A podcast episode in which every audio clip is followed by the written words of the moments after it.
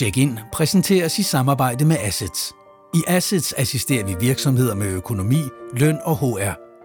Vores viden, erfaring og digitale løsninger gør os til den rigtige samarbejdspartner for jer.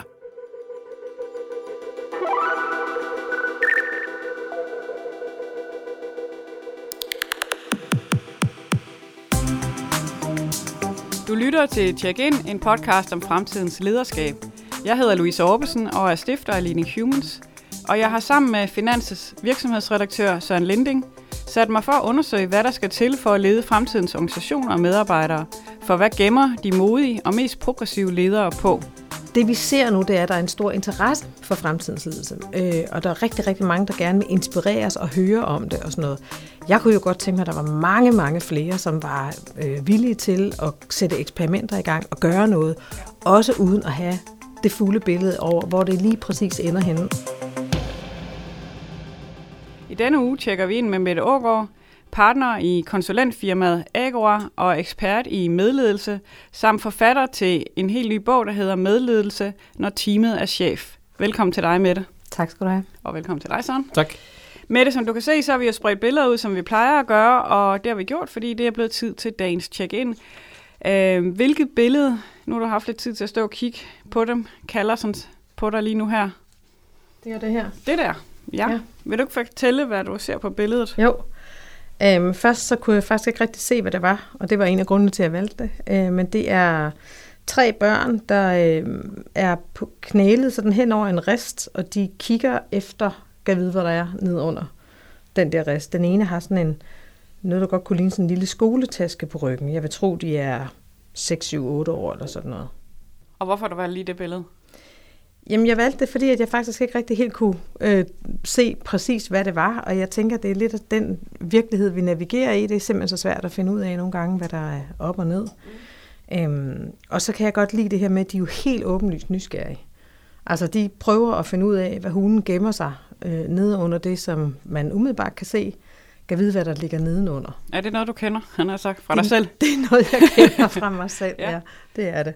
Jeg synes, det er spændende at finde ud af, hvad er det, der ligger nedenunder, og ikke bare tage det, man ser for, for hvad det er i første ja. øjekast. Mm. Ja. Så det er noget, det, vi skal tale mere om, hvad der driver dig, men, men nysgerrighed hmm? er klart en af de ting, der driver dig. Ja. ja. Mette, vil du ikke lige præsentere, hvem du er? Jo, det kan jeg godt. Jeg hedder Mette Ågaard. Jeg øh, er født og opvokset på Fyn. Øhm, har i 30 år arbejdet med organisationers interne liv. Jeg har siddet øh, primært som intern, det vil sige som chef eller direktør i både meget store øh, internationale virksomheder med base i Danmark, og i lidt mindre mellemstore virksomheder. Altså private virksomheder? Ja, så jeg har været i Novo Nordisk i 12 år, ja. og jeg har været i Bjarke Engels Group øh, nogle år som global ja. HR-direktør. Mm. Um, og så lavede jeg et, øh, et spring for nogle år siden ind i det kommunale. Ja. Jeg tror, jeg hører til de der 0,2 procent, øh, der går fra en lederstilling i det private til en lederstilling i det offentlige.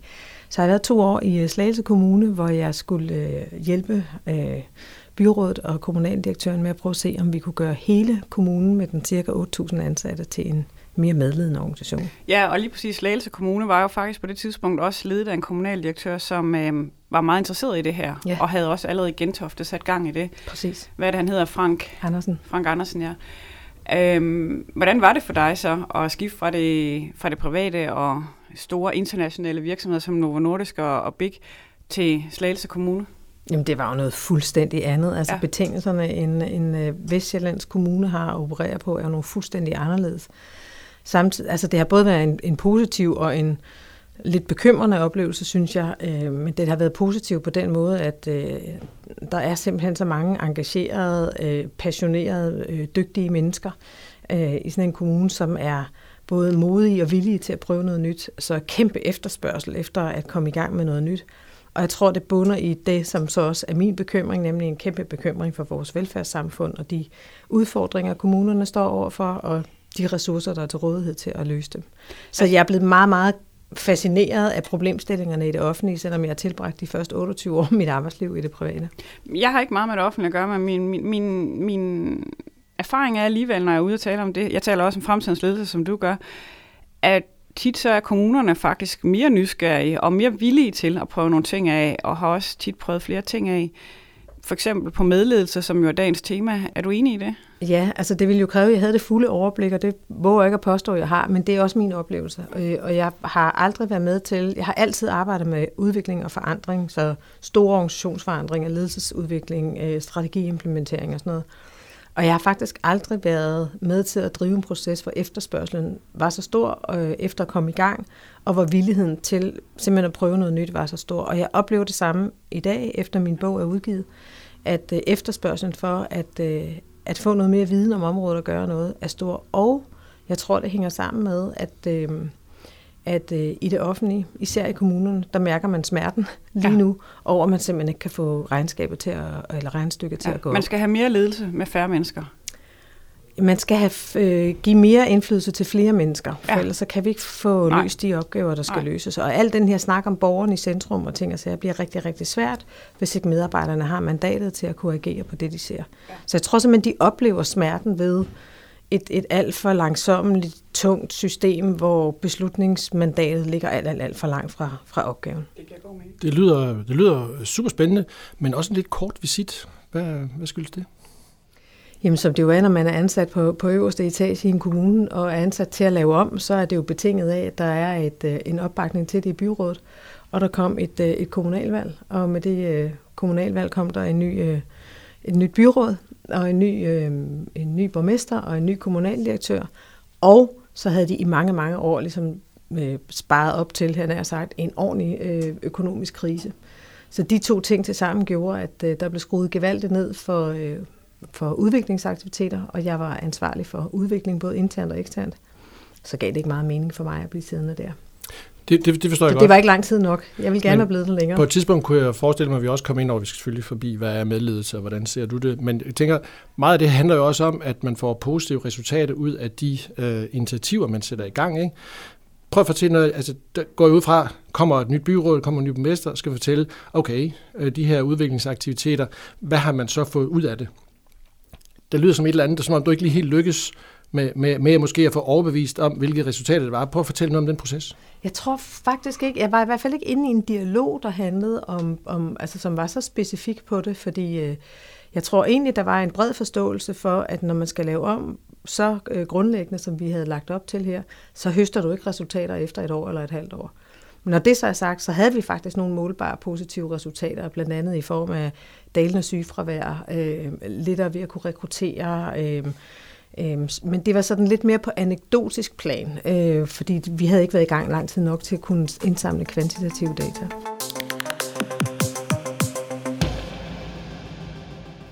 Når vi taler om, om ledelse nu og i fremtiden, så, så er det jo præcis det, vi taler om, at, og har gjort det i lang tid, vil jeg sige også. Altså, hvad, vi, vi kalder det fremtidens ledelse, fordi det jo i virkeligheden dækker over rigtig meget. Man kan også kalde det alt muligt andet.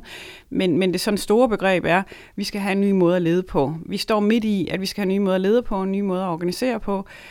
Øhm, hvad tror du, hvis du skal prøve at sætte nogle ord på, hvad det er, vi bevæger os væk fra, og hvad bevæger vi os hen imod? Hvad er det for en bevægelse, der er i gang? Hvad er dit bedste bud på det?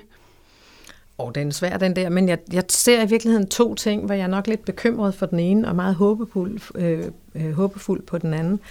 Øh, den ene tendens, jeg ser, det er sådan en stigende øh, mistillid til autoriteter, og en, sådan et, et stigende fokus på øh, egentlig at være lidt mindre demokratisk indstillet, end man har været før. Og det kalder jo på en ledelsesstil, som måske er lidt mere sådan med et fint ord kaldet autokratisk, altså lidt mere sådan diktatorisk, hvor man egentlig går tilbage, synes jeg, til noget, vi har set for mange år siden, hvor man hylder sådan den der heroiske ener, der næsten er forbundet med Gud, øh, og som kan komme ridende ind og løse rigtig mange problemer. Vi ser det jo i ekstrem form med, med Trump. Øh, og, og mindre kan, kan naturligvis gøre det, før det stadigvæk er et, et udtryk for det. Så det er sådan en tendens, jeg ser. Ja. Øhm, og den anden tendens, jeg ser, det er så en, øh, en længsel efter at finde tilbage til øh, fællesskab, til samhørighed, til forbundethed, øh, til mening. Og, og jeg er ikke en af dem, der mener, at vi skal finde meningen i vores arbejde. Øh, men det skal ikke trække meningen ud af os. Øh, så jeg, og, og det kalder jo på en helt anden type ledelse, som, som jeg så vil kalde øh, medledelse. Altså hvor man går ind og i nogle forpligtende arbejdsfællesskaber, øh, og hvor man har fokus på, hvordan får vi samarbejder til at fungere, og hvordan får vi flere mennesker til at kunne spille en aktiv rolle.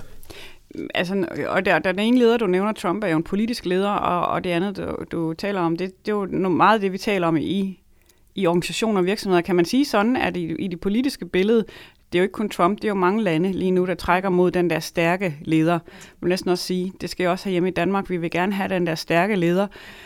Øhm, og vi ser det i ekstrem grad rundt omkring i, øh, i verden nu her, men på den politiske, politiske arena, og så ser man samtidig ud i virksomhederne den modsatte tendens, øh, kan man næsten kalde det, hvor man, hvor man prøver at uddelegere og, og, og, øhm, og lægge beslutningskraft ud til mange flere.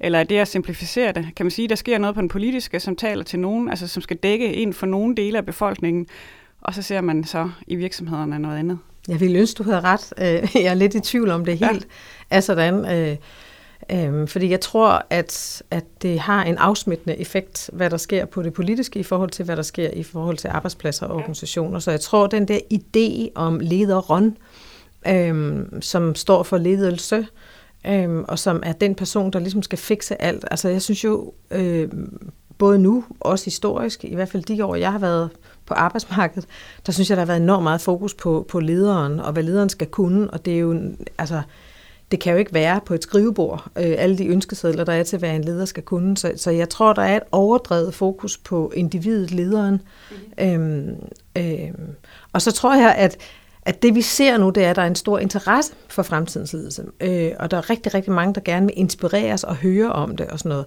Jeg kunne jo godt tænke mig, at der var mange, mange flere, som var øh, villige til at sætte eksperimenter i gang og gøre noget, ja. også uden at have det fulde billede over, hvor det lige præcis ender henne. Og det er derfor, jeg godt kan lide børnene, der kigger ned i resten det er det der med, hvordan kommer vi i gang? Altså med at gøre noget andet, og ikke bare snakke om det. Og det er jo den slags øh, gæster, vi inviterer her i podcast. Faktisk hele ideen med podcasten er jo at finde de mennesker, som tør at gøre noget anderledes og eksperimentere. Øhm, jeg har jo også beskæftiget mig med det her i, i syv år. Jeg synes i hvert fald, at jeg kan se en bevægelse. Altså jeg har jo den her idé om tipping point, at, at det går langsomt indtil det lige pludselig går rigtig, rigtig hurtigt. Øhm, og synes, jeg kan se en bevægelse, men det går langsomt. Hvad tænker du? Altså... Helt klart en bevægelse. Altså, da jeg begyndte at interessere mig for de her ting, som jeg sådan gjorde for alvor, øh, da jeg sagde mit job op i Novo Nordisk i 2016, hvor jeg virkelig begyndte at bore ned i det her med, at der må findes en anden model end den der traditionelle hierarkiske. Der følte jeg meget, at jeg var øh, ikke alene om det, men vi var godt nok få i Danmark, der interesserede os for det her, og vi havde alle sammen læst den samme bog. Ja. Altså, det var ikke sådan særlig Nej. nuanceret på det tidspunkt. Det er et helt andet billede i dag. Ja. Altså, vi har et begreb for det nu, vi kalder medledelse. Vi gik jo i øvrigt rundt dernede i Slagelse og troede, at det var os, der havde fundet på, på det her begreb. Bare for at finde ud af, at der var rigtig mange andre, der gik rundt og sagde det samme. Og det der med, når sådan nogle ting popper op øh, forskellige steder næsten på samme tid, er jo et tegn på, at der er rigtig meget, øh, der sådan spiger og gror. Så jeg er helt enig. Der er meget mere interesse for det. Der er også mere øh, handlevillighed nu, end jeg så for så tror du, det her det er noget, der kommer til, og tror du, vi rammer et tipping point, hvor når man rammer tipping point, så rører det jo ud til, kan jeg sige, han har sagt til masserne, så bliver det ligesom mainstream, og lige pludselig så bliver det uncool ikke at gøre det, som de, de få gjorde i starten. Ikke? Øh, tror du, at, at, at, at vi når derhen, eller bliver det ved med at være for, for nogle meget få, der interesserer sig for det her, eller for hvem det overhovedet er relevant? Jeg tror, at jeg, jeg er ret sikker på, at det her det kommer til at vokse. Om det bliver større end den traditionelle organisationsform, det ved jeg ikke. Men jeg er ret sikker på, at det kommer til at vokse. Og det tror jeg er forskellige grunde. Det ene er, at, at der simpelthen, jeg tror, at oplevelsen af, at den eksisterende model er utilstrækkelig, vokser. Og så er det jo så spørgsmålet, hvilken strategi man vælger derfra. Hvor nogen vælger at sige, at vi vil have bossen tilbage, jeg har altid undret mig over det der, fordi har aldrig været væk, men altså lad nu det ligge. Øh, så der er nogen, der ligesom går den vej, jeg skitserede før, og så må vi have mere fokus på den stærke leder, og vi skal have mere af, af den der sådan, øh, karakteristiske eller karismatiske og tydelige leder. Og nogen vil så vælge en anden vej, som, som vi måske kan kalde for medledelse. Så jeg tror, der kommer mere af det, der er en langt større villighed til at se på det. Og så tror jeg også, det hjælper, at der kommer praksiseksempler. Ja. Så det går fra at være sådan en teori, eller et koncept, eller en fix idé, til at der faktisk er nogen, man kan snakke med. Hvem, som... hvem er det, der vil have bossen tilbage? Kan man sige det? Hvem, hvem, hvad er det for en type medarbejder, eller hvad er det for en type mennesker, han har sagt, der gerne vil have bossen tilbage? Og hvem er det, der gerne vil have mere medledelse? Ja, lige nu ved jeg faktisk ikke, om man kan sige, at det er en type, men der er nogle stemmer, der sådan begynder, og, og om jeg ved ikke, om det er for at, øh, at være lidt provokerende eller hvad, men der er jo i hvert fald nogen, der begynder sådan at, at tale øh, om en modstrøm øh, ja. til det her. Øhm, og så tænker jeg også, at der er nu har arbejdet med forandring i så mange år. Jeg kan jo godt se, at der er forskel på, om man taler om det, eller om man gør det. Ja. Og jeg tror, der er rigtig, rigtig mange, der taler om det. Nu skal vi have dem, der gør det til at følge med, så, så de to ting de kommer i bedre balance. Jeg synes, det virker som om, der er nogle forudsætninger, der skal være til stede, for at organisationen kan gå i gang med det. Nu nævnte du jo blandt andet dine egne erfaringer ude for Slagelse, hvor det lyder som om, man kom ind i en form for krise, at der skulle spares nogle penge. Ikke? Og det er jo også typisk. Så går man tilbage til noget, man kender, og så sparer man på initiativer, der er måske er mere langsigtet. Ikke? Prøv at sige noget mere omkring, hvad er det egentlig for en øh, opbakning, der skal være øh, til stede for, at man også kan få de her projekter i gang. Men, de, men som du nævnte før, det tager jo tid, for at man kan virkelig få det igennem. Ikke? Så hvad, hvad skal man sikre sig, for at man ikke får trukket stikket øh, på halvvejen? Det er rigtig svært at sikre sig, at man ikke får trukket stikket øh, på halvvejen. Så, så der, altså, hvad skal der være til stede? Der skal først og fremmest være en, en, øh, en anledning, som ikke handler om, at man bare vil indføre medledelse. Altså det skal jo have noget at gøre med den opgave, man som organisation eller arbejdsplads er sat i verden for at løse. Så det skal jo hænge sammen med en eller anden strategisk udfordring, man har. Øhm, og det kan jo være alt fra, at man oplever en organisation, der ikke kan reagere hurtigt nok øh, i forhold til skiftende behov blandt kunder eller brugere eller borgere, eller hvem man nu øh, laver ydelser for eller produkter til. Øhm, det kan være mangel på arbejdskraft, øh, det kan være øh, en, en, en teknologisk uformåen, hvor man oplever, at man er for langsom til at kunne reagere på teknologisk omstilling. Øh, Øhm, det kan være alle mulige ting i ens omgivelser eller i ens forretningsmodel, som ligesom giver en nogle udfordringer, og hvor man tænker, der kan medledelse være et middel til at gøre noget ved det her. Og den skal man forstå, fordi ellers, hvad er den gode grund så?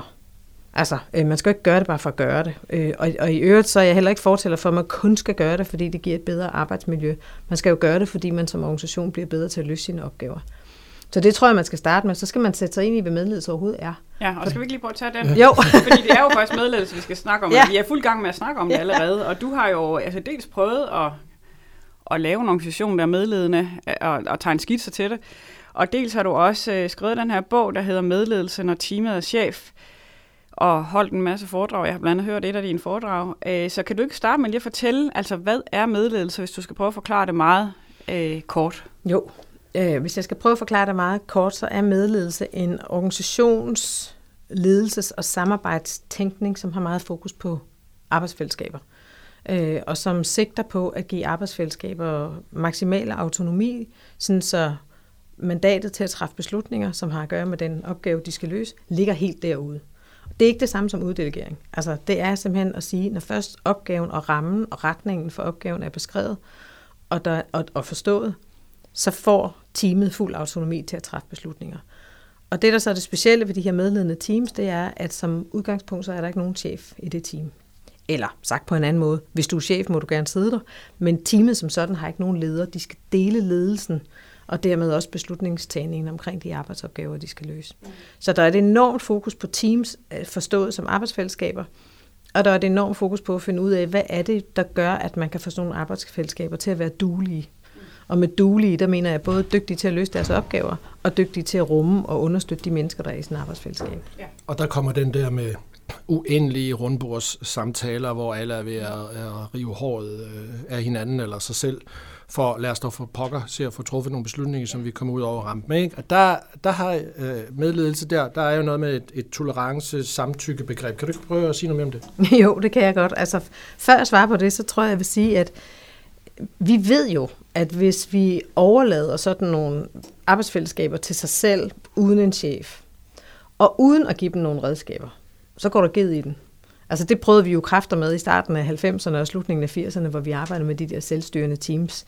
Øhm, det var rigtig hårdt for medarbejderne at være i, fordi der opstår uformelt hierarki og usikkerhed og utryghed og alt muligt. Mm. Det gør vi ikke. Så, så i, i medledelse er vi meget varme fortaler for at formalisere ting. Og det er simpelthen fordi, at vi accepterer, at i det uformelle, der opstår sådan noget mangel på beslutningsdygtighed, øh, magtkamp, uformelt hierarki og sådan noget. Så derfor så er vi meget øh, fortaler for at gå ind og se på, hvad er, det, hvad er det, vi kan se, der fungerer i arbejdsfællesskaber. Så vi læner os ind i, hvis man kigger på små enheder, hvad kan vi lære af dem? Så vi læner os jo ind i alt, hvad Amy Edmondson har tilvejebragt omkring psykologisk tryghed. Øh, vi læner os ind i øh, undersøgelser omkring, hvad, hvad, gør, hvad gør magt øh, ved folk? Hvad gør det, hvis folk føler sig magtesløse eller for magtfuldkommende? Og en, og en masse andre ting. Vi kigger på motivationsteori og ting og sager. Og så på baggrund af det, så har, øh, har vi så et, kommet med et forslag til, hvad det er for nogle strukturer, der skal lægges ned i sådan en team. Nu er, jeg, nu er vi vildt nysgerrige, ikke? fordi alle tænker jo praktisk. Ikke? Ja. Altså, fordi normalt vil sige, øh, vi sidder og skal vi træffe en beslutning, hvis det er højre eller venstre, og hoppe på stedet, eller hvad vi skal, og så tænker vi konsensus. Det er sådan meget, fordi så er vi sikre på, at alle er med, og vi er aligned. Så går det lang tid, og det kan være, at vi slet ikke ender nogen steder. Så den der samtykke ting, altså hvad, Rent praktisk, hvad betyder det så? Er, betyder det, er det sådan en flertalsbeslutning eller hvad er det? Hvad er det altså sådan, så jeg tror, at lytterne de kan være med på, hvad er det, der helt præcis foregår i de teams, der er helt praktisk, når man skal finde ud af, hvad skal vi bruge vores penge på, hvis det, hvis det for eksempel er det? Ja. Øhm, så hvis vi skal dykke ned i samtykkebeslutninger, det er klart, når man arbejder i medledende organisationer, så bliver det der med at træffe beslutninger, det bliver jo rigtig vigtigt. Og vi har egentlig, hvis man kigger sådan øh, på eksisterende organisationer, dem vi kender bedst, tre måder at træffe beslutninger på. Den ene er den, du kalder på der, der hedder konsensus. Vi snakker indtil vi er enige. Og så ved vi jo alle sammen godt, vi har jo siddet i sådan nogle situationer, hvor til sidst så har vi snakket tilstrækkeligt lang tid, og så konkluderer chefen et eller andet, kigger ud i lokalet og siger, er vi enige. Og selvom man ikke er enige, så siger man måske ikke så meget lige der. Fordi... Er vi alle så trætte af, at vi ikke gider ja. længere? så, så, men altså, det kan godt være, at vi kan blive enige, og det er jo fantastisk, hvis vi kan det. Det er bare ret sjældent, at der er en reel interessekonflikt, og så bliver det der spørgsmål, at vi enige kommer til at handle om noget andet. Nemlig om, hvem er mest udholdende, hvem taler mest, hvem har et formelt ledermandat og sådan noget. Så det er lidt en illusion, det der med konsensus. Men lad os nu bare lege, at det findes. Ikke? Det er den ene måde. Den anden måde, hvis det så er, at vi ikke kan fortælle os til rette, så er der nogen, der siger, så lad os stemme om det. Og så sidder der syv mennesker i timer, der er fire, der siger ja, og der er tre, der siger nej. Så får man da truffet en beslutning. Til gengæld risikerer du at have tre medlemmer af teamet, som føler nul ejerskab over for den beslutning, der er truffet, og som egentlig forbeholder sig retten til, når det hele er kørt i hegnet, og sige, hvad sagde jeg? Mm. Så er der den tredje beslutningsmodel, vi kender, øh, hvis det er, at man tænker, ej, vi, vi, vi overgår ikke at evigt snak og kompromis og sådan noget, og vi vil ikke stemme om det, fordi vi kan ikke lide den konflikt, det kan give i teamet, så går vi ind og lægger beslutningen på chefens bord. Så øh, hører chefen alle mand, og så siger chefen, det bliver sådan her. Og de tre beslutningsmodeller er jo ligesom dem, vi kender, og der er nogle problemer vedhæftet øh, dem alle sammen, hvis vi gerne vil arbejde med, at vi skal have mandatet og beslutningskraften så langt ud i organisationen som muligt. Derfor arbejder vi med det, du refererer til, som vi kalder for samtykke beslutninger. Og forskellen på samtykke og de andre ting, det er, at vi appellerer til og laver strukturer omkring, at vi træffer beslutning på basis af, hvad vi kan tolerere, Altså hvad det, der ligger inden for det, vi kalder vores tolerancezone, frem for det, der er vores præference. Og det præference er jo det, du lægger op til, hvis du gerne vil have enighed. Så går du, Søren, efter det, du synes er det bedste, og Louise går efter det, du synes er det bedste. Og så begynder I to at sidde og føre kampagne for hver jeres øh, synspunkt. I prøver at få allieret osv. Her der siger vi sådan set, det, hvis Søren kommer med et forslag, og Louise tænker, ah, sådan ville jeg godt nok ikke have gjort det. Men hvis ikke det skader os, Hvorfor skal Søren så ikke have lov til at prøve sin idé af? Måske vi bliver klogere hen ad vejen. Så det er en beslutningsform, som vi faciliterer, og som består i, at man selvfølgelig får sagt, hvad man skal, så Søren han får alle dine bekymringer og forslag med, Louise. Og så lytter Søren til det, og så siger han, det er, er det godt nok for nu? Er det sikkert nok at prøve? Og kan vi lave det om, hvis ikke det virker? Det er de spørgsmål, vi stiller. Så vi vender beslutningsprocessen på hovedet. Så i stedet for, at du, Søren, skal komme efter et ja, så skal vi hjælpe dig med at undersøge, er der egentlig en god grund til, at vi ikke skal, skal undgå gøre det her? nej. Ja, ja, vi skal sådan set hjælpe dig med at undgå at lave en ordentlig bummer. Ikke? Mm. Altså, så, øh, så, og det erfaringsmæssigt, man skal lige øve sig i det, fordi vi er så programmeret til at gå efter den der konsensus der. Men når først det kører, så kan man simpelthen, altså erfaringen er, at vi kommer til at træffe beslutninger hurtigere. Det er meget lettere at komme med idéer, fordi man ved, at de bliver modtaget i den ånd. Det er meget lettere at prøve ting af vi afgrænser jo risikoen ved at sige, er det godt nok for nu, er det sikkert nok at prøve, det lyder, kan det vi lyder stadigvæk det lidt svært, fordi hvem, hvem bestemmer så, eller hvordan får man, bliver man enige, eller hvad man nu skal, omkring tolerancezonen? Altså, hvor er den så hen? Ja, og der er, det er jo et træningsspørgsmål. For der er ikke, og det er det der med, øh, vi øver os i at holde op med at stille det spørgsmål, er vi enige? Vi stiller det spørgsmål, der hedder, er der nogen indsigelser? Og hvis nu Louise har en indsigelse, så er vi jo meget interesseret i at høre den. Så skal jeg ærligt indrømme, at det sker da tit, at der er sådan en præference, der dukker op forklædt som indsigelse. Og så må man jo tage den diskussion. Altså jeg har faktisk engang prøvet i min egen virksomhed, hvor, hvor vi var seks mennesker, og, og lave, og lave øh, også en meget holokrasibaseret, vi havde også, tror jeg, Glassfrog, eller hvad der var, et eller andet system, hvor man ligesom jo fik foræret, Glassfrog er sådan en, et, et, et, et software-system, hvor man ligesom får foræret de her rammer for, hvordan kan vi sætte tingene op i cirkler, og alle sammen melde ind på opgaver, og også sådan en, en struktur for, hvordan holder vi så møder og så videre. Ikke? Og der var så en af, af de her seks, vi var på holdet, som, som var eksperten. Han havde læst alt om sociokrati og holokrati, og han skulle ligesom også være den, der sådan sørgede for, at vi nu fulgte reglerne. Og det, der i hvert fald i mine øjne skete i praksis, var, at han endte med at have en meget, meget stor magt, og også en subjektiv magt, som jeg i hvert fald opfattede det. Altså fordi, du ved, det var sådan noget, ej Louise, det kan du ikke sige lige nu, fordi det ikke følger reglerne. Hvor jeg okay, ja, virkelig. Altså sådan, så, så, det, så, det, så det, jeg synes, det blev, øh, det blev meget besværligt. Altså, hvad må man sige, og på hvilken måde, og og så videre. Ikke? Når, lad os nu bare få løst opgaven. Ikke? Øh, så, så min oplevelse var, og spørgsmål til dig er, øh, kan der ikke opstå sådan nogle anderledes magtpositioner kvæg alle de her regler, og, og, og du ved, nogen følger regler rigtig godt og har det godt med det, og andre synes bare, at regler er en opfindelse fra helvede, i hvert fald hvis der kommer for mange af dem. Ikke? Ja. Altså, jo. At, øh, at, at det i virkeligheden kan blive virkelig besværligt at være i sådan noget her, og, og, og at magten opstår på en anden måde. Som du siger, vi er jo pattedyr, vi vil altid finde magtstrukturer. Ikke? Der er altid en, der er, er øverst. Vi vil altid, også i det her lokale, så vi fire mennesker, kunne stille os op øh, efter magt. Hvis vi, det ville vi sikkert synes var vildt ubehageligt, men altså, det kunne vi godt gøre. Det kan vi altid som mennesker, fordi vi har helt styr på hierarkiet. Øh, og det er vigtigt for os. Øh, så, så, så, så, så, så det finder jo altid vej, kan man sige. Det har du taget du også selv lige før. Og, og, øh, og når det så ikke er tydeligt, øh, så, så finder det vej på de der mere subtile måder, og det kan være, det kan være ret ubehageligt og lede til nogle ret ubehagelige situationer. Yeah. Og når jeg siger det her, så er det også bare fordi, vi hører jo om alt det gode ved selvledelse og medledelse og fremtidens lederskab. Vi hører alle heldige historier osv., eller alle de gode historier. Men, men, men man skal jo ikke være ret lang tid interesseret i det her, før man også hører bagsiden af medaljen. Den hører man bare måske ikke i en podcast nødvendigvis, men der er jo nogle ret voldsomme historier om, hvor hårdt det kan være, og at det passer bedre til nogen og til andre osv. Der, der kan komme nogle rigtig store og ret ubehagelige magtkampe. Hvad der er, du om der er rigtig, det? rigtig meget i det, du siger, øh, og nu skal jeg se, om jeg kan huske det hele. Altså det første, hvis jeg må kommentere på det der med magt, jeg tror, jeg vil formulere det på en anden måde. Mm. jeg tror, magt er en ressource, vi altid alle sammen vil række ud efter. Fordi hvis ikke vi har noget magt, så, har, så bliver vi magtesløse. Og det er redselsfuldt. Altså det er decideret redselsfuldt at være, og det er jo også sundhedsskadeligt at være og føle sig magtesløs. Og magt er en forudsætning for, at vi kan handle på det, vi ser. Så alle vil række ud efter magt. Øhm, egentlig ikke fordi, tror jeg, nødvendigvis, at vi har lyst til at bestemme over andre, men fordi det er en forudsætning for at beskytte vores egen autonomi. Altså det er en måde at få kontrol over eget liv på. Derfor vil alle række ud efter magt. Så der vil altid være magt i rummet.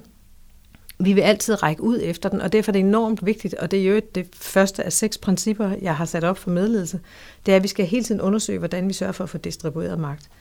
Så ham der, du refererer til, som øh, tænker, oh fedt, nu er jeg den, der ved mest, og det er mig, der har øh, facilitatorrollen. Øhm, øhm, det man så gør, for eksempel, når man er, er, begynder at arbejde med det her, det er, at man sørger for, at de roller i et medledende team, hvor der følger magt med, de går på tur. Så man kan ikke sidde til evig tid og være den, der har facilitatorhatten på, fordi så samler man simpelthen. Fordi ja, der ligger en magt i det. Øh, så så sørger man for, at sådan nogle roller, de går på tur. Noget andet, man gør, det er, at man laver, man arbejder med meget løbende feedback på, hvordan synes vi, øh, fordelingen af magt fungerer her. Så man tager ind i den viden, vi har omkring, hvad, hvad, hvor ubehageligt det er med det der magt, hvis det er skævt fordelt, tager det super alvorligt og arbejder eksplicit med det. Så det var den ene del af det, du sagde. Den anden del af det, du sagde, det er det der med, om ikke der er nogen, der slår sig. Nej, du sagde to ting mere, jeg har lyst til at kommentere på. Det ene, det var det her med, at vi kun hører om, om alt det fantastiske. Øhm, jeg tror, jeg skal have nogle tips af dig bagefter til, hvad, hvad du hører, øh, bortset fra din egen øh, podcast og læser, for jeg synes godt nok også, der er meget øh, kritik af forestillinger om, hvad medledelse er. Jeg støder på rigtig mange myter. Du har lige luftet en af dem, Søren den her med, så fører det jo bare til øh, evig rundesnak og ingen beslutninger. Øh, Jamen, det du, jeg mener, det er, når, når dem, der skal fortælle om det, dem, der har erfaring, når de ja, fortæller, ja. det kunne være en leder, en af dem, vi har haft i podcasten, yes. som skal fortælle om, vi har, lavet, altså, vi har prøvet at lave et opgør med hierarkiet hos os, og det går rigtig godt. så, så har de altså, en naturlig tendens, fordi jeg tror, de er passionerede omkring det, og de vil gerne gå foran på den her bevægelse og skabe en bevægelse, fordi de vidderligt tror på den. Men det er svært for dem at komme til at tale om, om alt det, man så også hører sådan lidt ja, men lad os øh, bare tale om det. Ikke? Lad os bare tale om det, fordi der er flere ting i det. Øh, det ene, det er, at jeg tror faktisk, det er ubehageligt for, eller lad mig starte et andet sted. Da jeg arbejdede i Slagelse Kommune, så var jeg også øh, formel chef for det, der hedder de frikøbte tillidsmænd. Det vil sige alle dem, som laver tillidsarbejde mere end 50 procent af tiden. Og øh, da jeg snakkede med dem om medledelse, så sagde de, at det der, det lyder godt nok som om, der er nogle ledere, der vil have nogle udfordringer med det der. Det må være svært for dem, fordi de skal jo give noget mandat fra sig. Og når jeg snakkede med lederne om det, øh, så sagde de, at oh, det der det lyder godt nok, som om det bliver hårdt for medarbejderne, fordi de skal jo pludselig til at påtage sig et ansvar, som de ikke har været vant til. Og jeg tror faktisk, de begge to har ret, fordi det er en anderledes måde at tænke ledelse på, det er en anderledes måde at tænke det at være medarbejder på. Nogen efterspørger det og higer efter at få det. Andre er meget tilbageholdende med at tage det.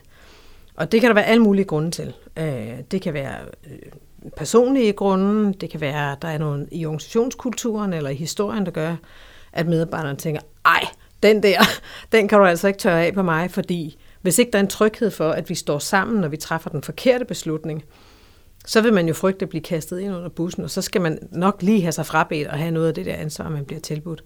Så det jeg plejer at sige, når jeg arbejder med medledelse, det er, gør det nu virkelig, virkelig langsomt, og være sikker på, at det ansvar, vi tilbyder medarbejderne, at det rent faktisk er et, de vil have. Så for eksempel så advarer jeg jo altid mod at starte med at lægge de sværeste ting ud i medledende teams, altså lønforhandlinger eller hyre fyre og sådan nogle ting der, fordi det er typisk et, med, et ansvar, medarbejderne slet ikke har lyst til at have.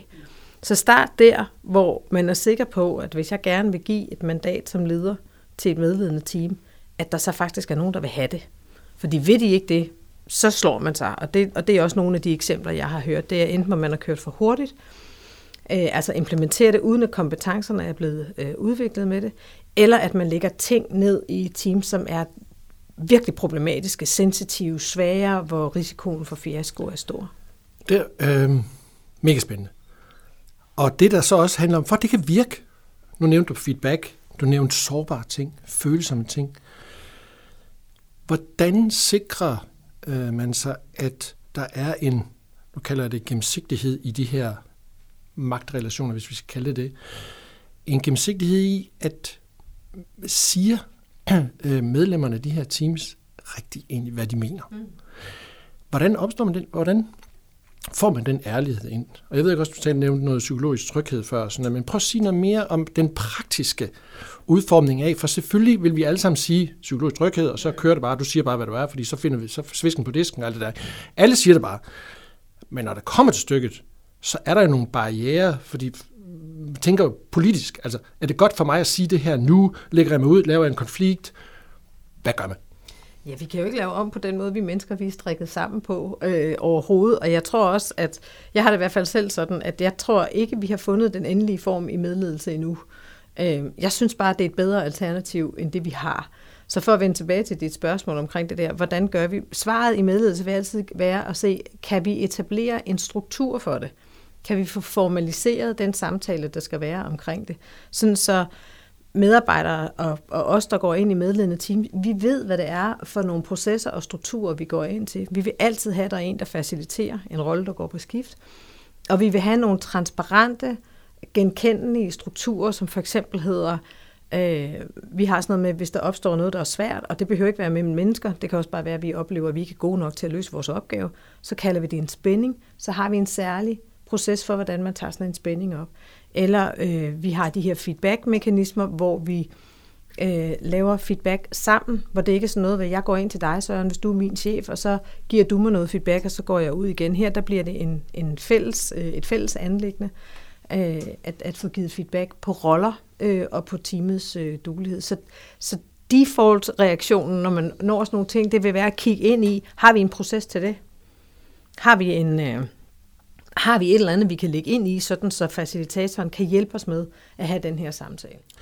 Jeg har skrevet øh, konflikter, spørgsmålstegn, ja. på mit stykke papir her på et tidligere tidspunkt i vores øh, spændende samtale. Og nu nævnte du lige præcis, så er der en proces for det. Vi kalder det en spænding i stedet for konflikt. Det lyder mm. måske så voldsomt, ikke? Og det kan, jeg kunne forestille mig, at man har måske mange processer, alt efter hvilken spænding man nu taler om. Mm. Men prøv at nævne, hvordan kunne sådan en proces se ud?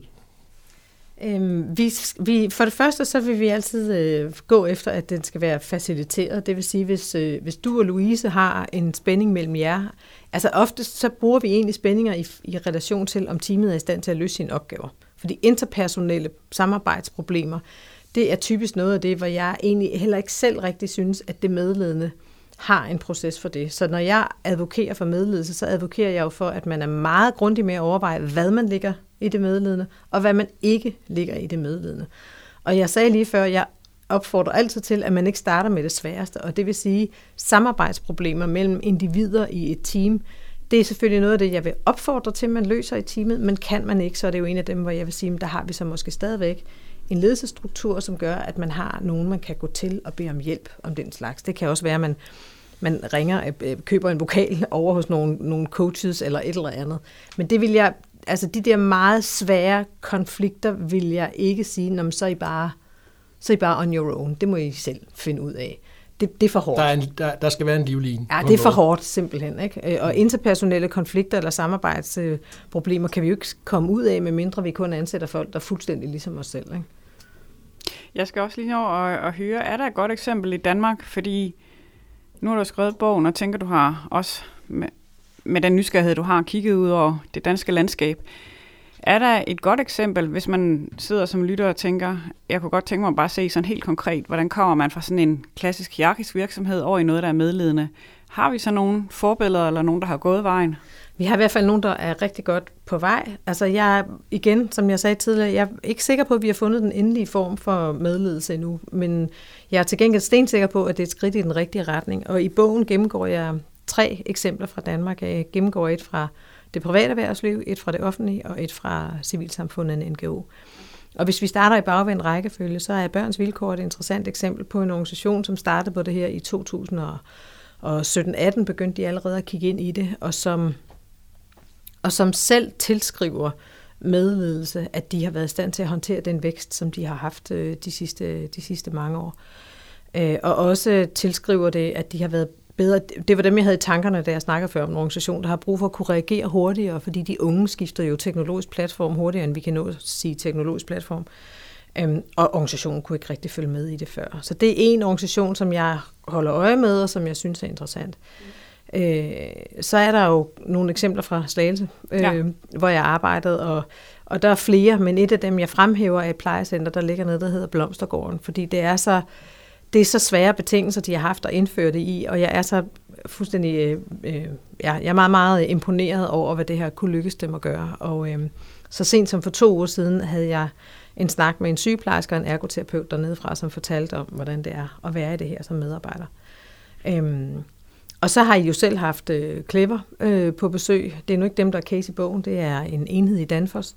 Øhm, så, øh, og Clever er gået meget radikalt til værks, fordi de har ikke nogen ledere. Den model, jeg ser mest i Danmark praktiseret, det er det, jeg kalder for den integrerede model.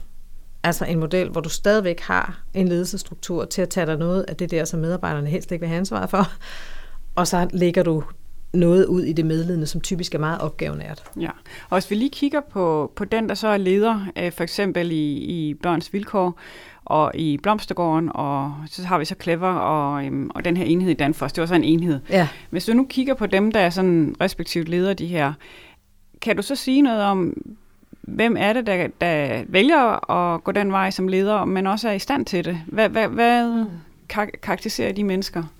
Det er et rigtig godt spørgsmål, fordi det er klart, det kræver rigtig meget af os øh, ledere. Nu har jeg selv været det i 20 år, og jeg plumpede jo hele tiden i, i min gamle lederadfærd, da jeg selv arbejdede i medledende og, og havde sådan set opfordret mine medarbejdere om at sige til mig, øh, undskyld Mette, sidder du ikke og trækker chefkortet lige nu? Ikke? Og så må jeg jo bare sige, øh, jo, det gør jeg. Undskyld, kan vi lige spole tilbage og tage den forfra?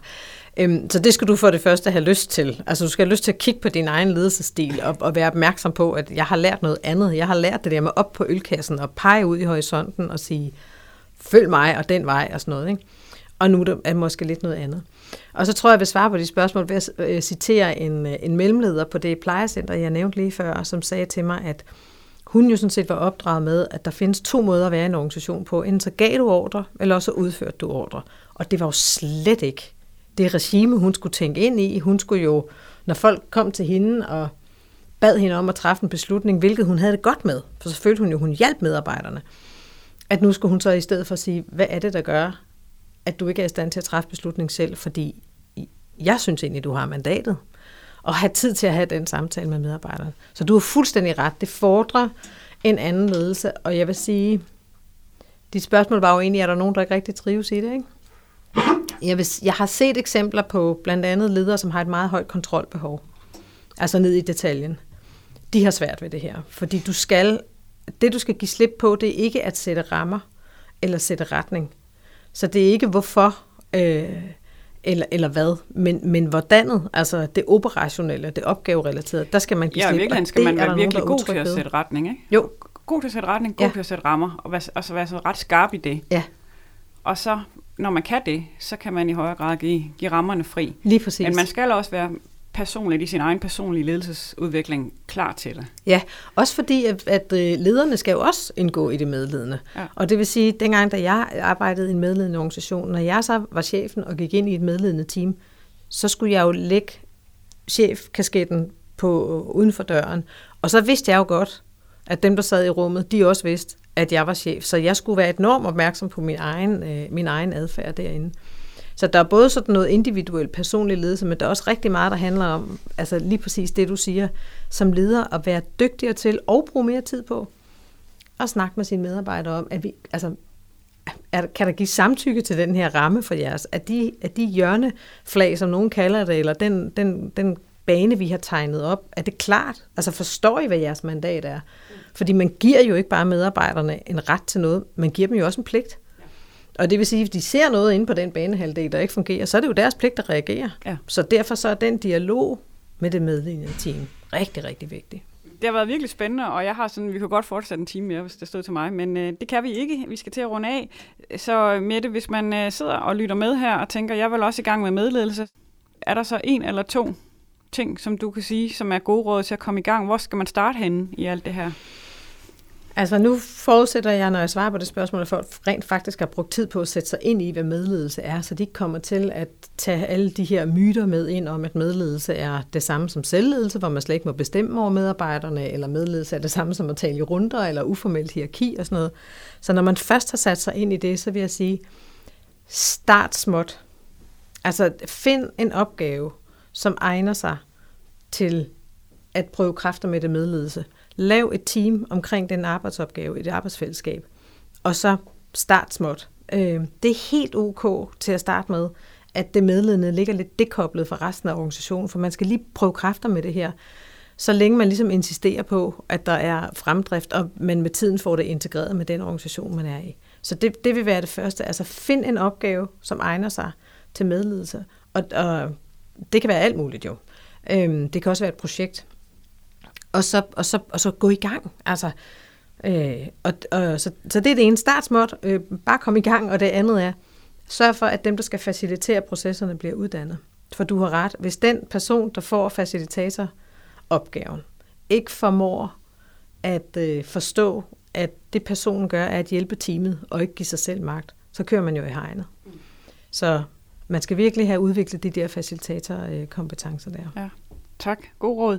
Søren, hvad er det vigtigste, du tager med for samtalen i dag? Øh, jamen, sindssygt meget, synes jeg. Altså, ja, det har været jeg kan godt lide. Øh, godt lide, at vi har været øh, lidt dybere i, i materien i dag. Øh, og jeg, jeg tror, altså, det allerførste, jeg skrev, det var, det var opbakning. Ikke? Og det, det må jeg bare sige, også lidt din oplevelse ude for slagelse af. Ikke? Altså prøv at sikre sig, øh, sikre sig den opbakning, for at man ikke lige pludselig kommer halvt i gang, og så virker det som om, det er lidt spildte øh, kræfter, og derfor kan jeg også godt forstå, at du siger, at det er måske en god idé at starte lidt småt, altså for at der måske ikke ligefrem er nogen, der trækker stikket, men der, men der hvor du lige sagde sidst, hvor du nævnte det med, altså det forarbejde, som jeg kan forestille mig, der skal til, for ligesom at det team forstår, hvad er opgaven egentlig. Ikke? Altså, der må være et formål, som du vist også øh, øh, beskriver på et tidspunkt. Ikke? Der er nogle opgaver, og dermed, som du nævner, der er også nogle pligter. Det virker også som om, man skal sætte de der hegnspæle. Ikke? Hvad er det domæne, man har? Og hvilket mandat har man også givet til det her? Ikke? Og så skal der opsættes nogle mål. Det, det kan jeg godt se for mig, at det, det, kræver, øh, det kræver lige et par armbøjninger. Øh, at komme derhen til, at man ligesom ved, okay, det er det her, vi skal i gang med. Ikke? Så jeg ser, jeg ser virkelig, at det er en relativt stor beslutning, som man skal have en relativt stor opbakning, ikke bare øh, opfra, hvis man kan sige det på den måde, men man skal også have opbakning for det team og de, de medarbejdere, man har nu, for at man kommer i gang med det her. Ikke? Så, så altså, respekt for at gå i gang med det her, tror jeg er det, man kan udlede af det. Det er meget nemmere, end man tror. og det der opgavesætning, det skal man jo alligevel. Så jeg vil bare sige, det er skideskægt, og det er meget nemmere at komme i gang, end man tror. Så jeg Fedt. hæpper. Sådan. Ja, hvor tit hører man det? Det er meget nemmere, end man tror. Tusind tak med det. Det har været virkelig spændende. Du har lyttet til en podcast fra Finans. Redaktionen bag er Louise Orbesen, Søren Linding, Maria Kielet, Anders Tykær og Kasper Søgaard. Har du kommentar til programmet, ris eller ros, så skriv til podcast Check-in blev præsenteret i samarbejde med Assets. I Assets assisterer vi virksomheder med økonomi, løn og HR. Vores viden, erfaring og digitale løsninger gør os til den rigtige samarbejdspartner for jer – og vi mener økonomi, løn og HR fra A til Z så bogstaveligt, at det er en del af vores navn. Assets. AZETS.dk